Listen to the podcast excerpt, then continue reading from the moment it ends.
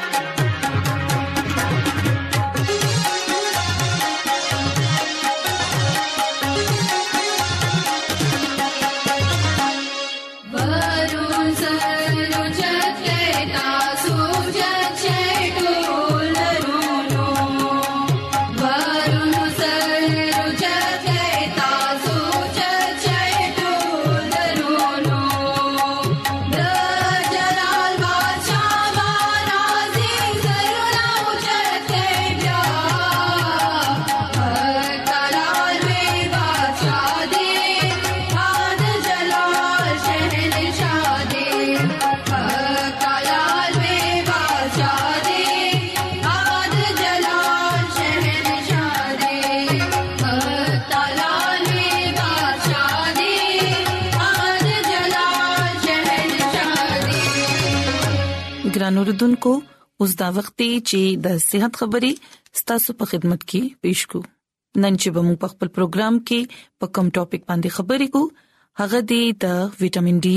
د فعالیت په اړه کې ګرانو رتونکو د قوت مدافعت په زیاتولو کې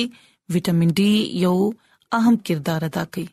د تندرست اوسېدو لپاره انسان ته نه صرف د غذا ضرورت وي بلکې د هغه تمام اجزا هم ضرورت وي د کوم په وجه چې د جسم ټول اعضا په بهتره تور باندې کار کولی شي ګران اردوونکو کوشش کوئ چې هر ورځ استعمالي دوه ول خوراک کې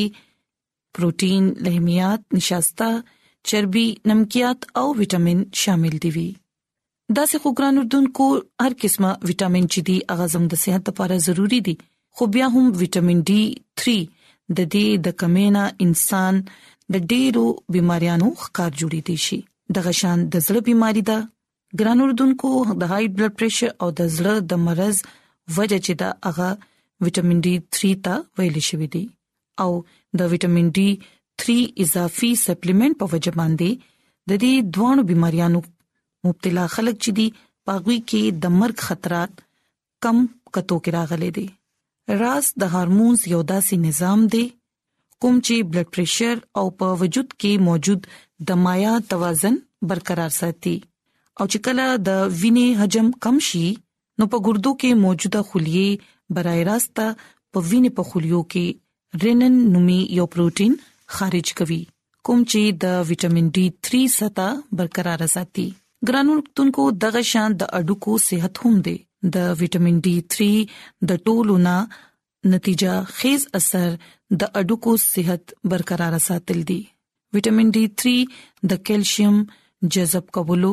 زیاتوي د اډوکو د صحت لپاره کیلشیم او فاسفیټ ستا قائمه ساتي او ګران اردوونکو د وټامین ډي 3 کمی سره اډوکی نری شي او ډیر په اسانه سره دا ماتې دي شي او د دې کمی په ماشومانو کې د ریکټس او په لوی افرادو کې د اوستومیشیا باعث جوړیږي دغه شان ګران اردوونکو د جلد صحت هم دی وټامین ډي 3 ماکروفیجز نومي یو سپینې خلیې چې دي داغي اغوي ته هم تحریک بخي او دا سپینې خلیې چې دي دا محاسي ختمي او دا بکټریا داسې پروتين خارجي کوم چې د سوزش باعث جوړ شي او جلد تباہ کوي د دوانو د سرخه او د پرسیدو هم دغه وجه ده ګران اردوونکو د بهترینه قوت مدافعت د پاره وټامین ډي ډیر زیات اهم کردار دی او دا د انساني صحت د حفاظت لپاره یو اهم عنصر تصور کړي شي نو ګران اردوونکو زه امید لرم چې نننې د صحت خبرې پتا سو خوخي کړي او تاسو به د وټامین ډي 3 د افادیت په اړه کې هم زده کړئ چې دا زموږ په صحت کې څومره اهم کردار ادا کوي زموږ د زړه د حفاظت لپاره د اډوکو د صحت لپاره او د جلد د صحت لپاره دا څومره ضروری دي نو ګران اردوونکو د خپل صحت خیال ساتي د خپل ځان د خپل وړو د خپل کور د نورو خلکو د ټولو د صحت خیال ساتي او د خپل خوراک انتخاب داسې کوي چې پاغي کې هر قسمه وټامینز او منرالز شته نو دا شامل وي ترڅو راتلونکي وخت کې موږ یو بهتره معاشره تشکیل کړو او ټول خلک دې صحتمند وي نو ګران اردوونکو زما دا دعا ده چې خدای تعالی دې تاسو ټول له صحت او تندرستي درکړي تاسو ته خدای تعالی خوشاله درکړي او تاسو چې هر چرته یې خدای تعالی دې تاسو حفاظت او نگہبانی وکړي نو ګران اردوونکو راځي چې اوس د خدای تعالی په حمد تعریف کې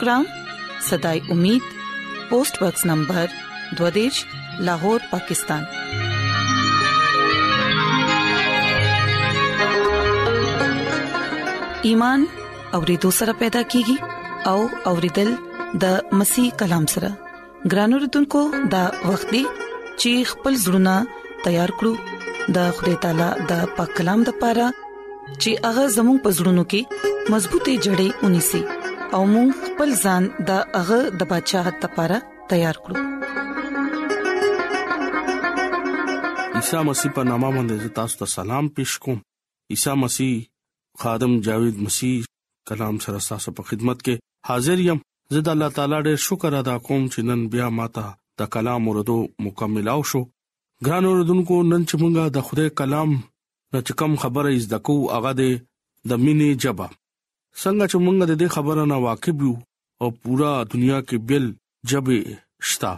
او ډېر جبو نه مونږه نا واقف یو او ډېر جبو نه مونږه واقف یو دا چې جبې هم دي چې مونږه دغه نه بيخي نا واقف یو ګران اوردونکو مونږه ګورو چې ارجبا یو مقصد ته او چې کم یې کم خلکې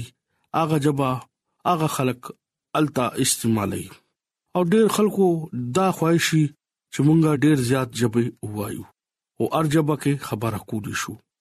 او ډیر خلک زیات جبو کې خبره کول خوخی او په دې خبره فخر کوي چې مونږه ته ډیر زیات جبه راشي ګران اوردونکو داسې خلک هم شتا چې غیله ډیر زیات جبه راضي او داس خلک هم شتا چې اغیلا یو جبم ناراضي ګران اردوونکو اغه جبا به تر را چې کم د مینې جبای ویل شي چې یو سړیو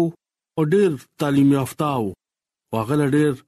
د جوب باندې ابو حاصلو واغه په دې خبره ډیر فخر کول او زیات جوب باندې خبره کول شو او ډیر جوب علم ورسره وو ګران اردوونکو خپل خلکو کې رالو او غیر قومونو خلکو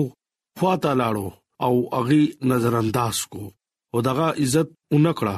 هغه چې کما توقع د غینه ساته هغه توقع باندې هغه پورا اونش اونشو هغه ډیر خپل جبو باندې ډیر زیات غرور او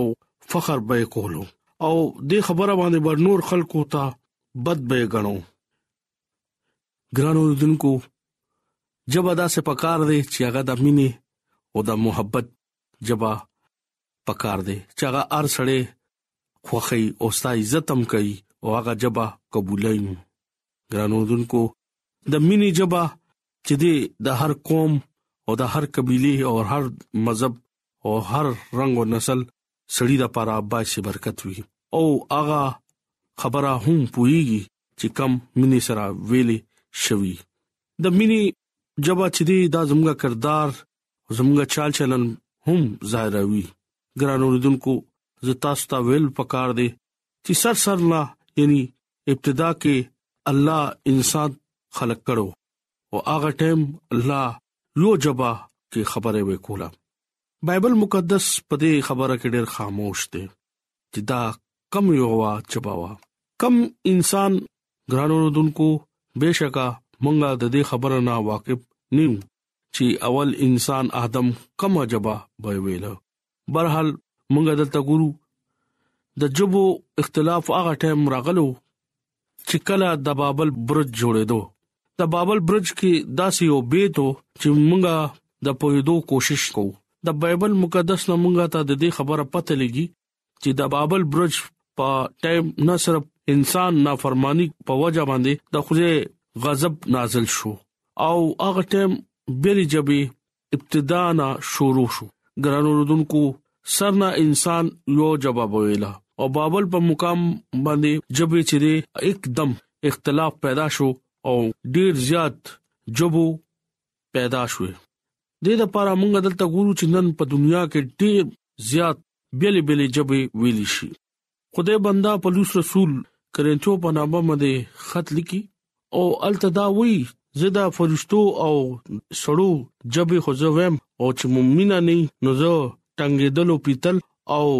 جنگېدلو جانچ جم او چې ماته نبوت ملاو شو او زه ټول بیتونو او کل علم باندې واقف شوم نو زما ایمان دلته کامل شو او زه چې کله غرته ویم نو هغه بلری شي او چې ما کې مینا نه نو زه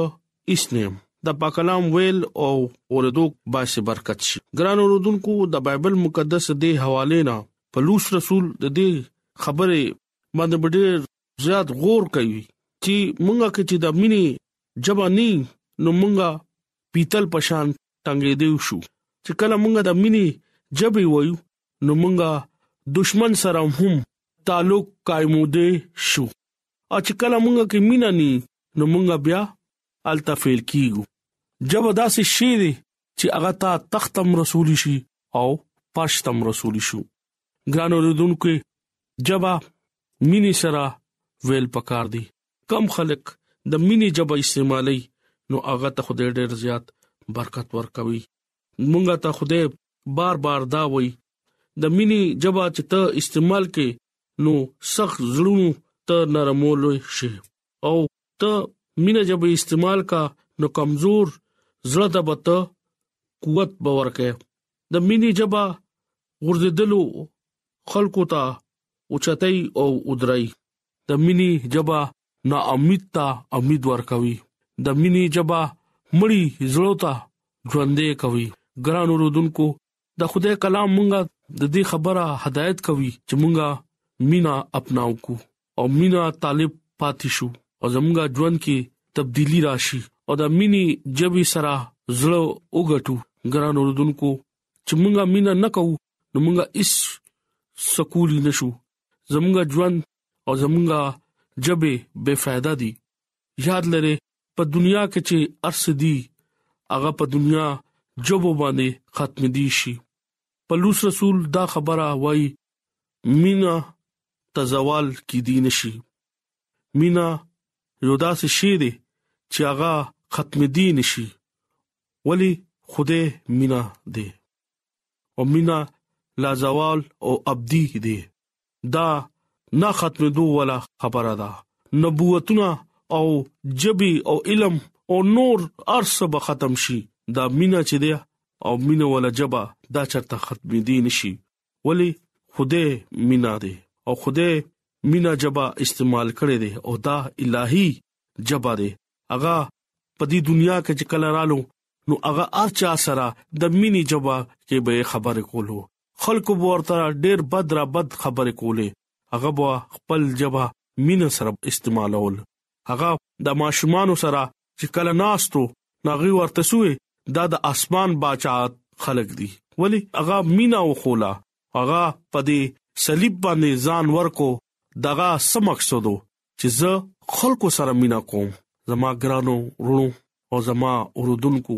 زه تاسو ته اپیل کوم خپل جواب بدل کې خپل جبه کې مینا راولې او چې تاسو د مینې جبه خپل کور کې استعمال کړه نو تاسو کور ټول سیستم چې خراب دی هغه به صحیح شي تاسو چې کله بازار ته ځئ او د مینې جبا استعمال کې بیا تاسو ترقی وګوره تاسو لارې بازار شي تاسو ته یو سیز امید ته نو تاسو د مینې جبي سره هغه خبره اوکه نو تاسو هغه کار هغه امید خوده به بحالي خوده وي مینې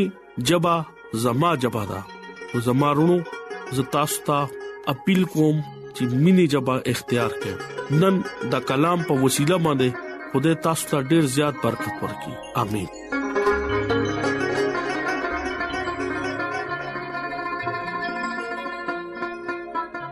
راځي چې دعا وغوړو اے زمونږ خدای مونږ ستاسو شکر گزار یو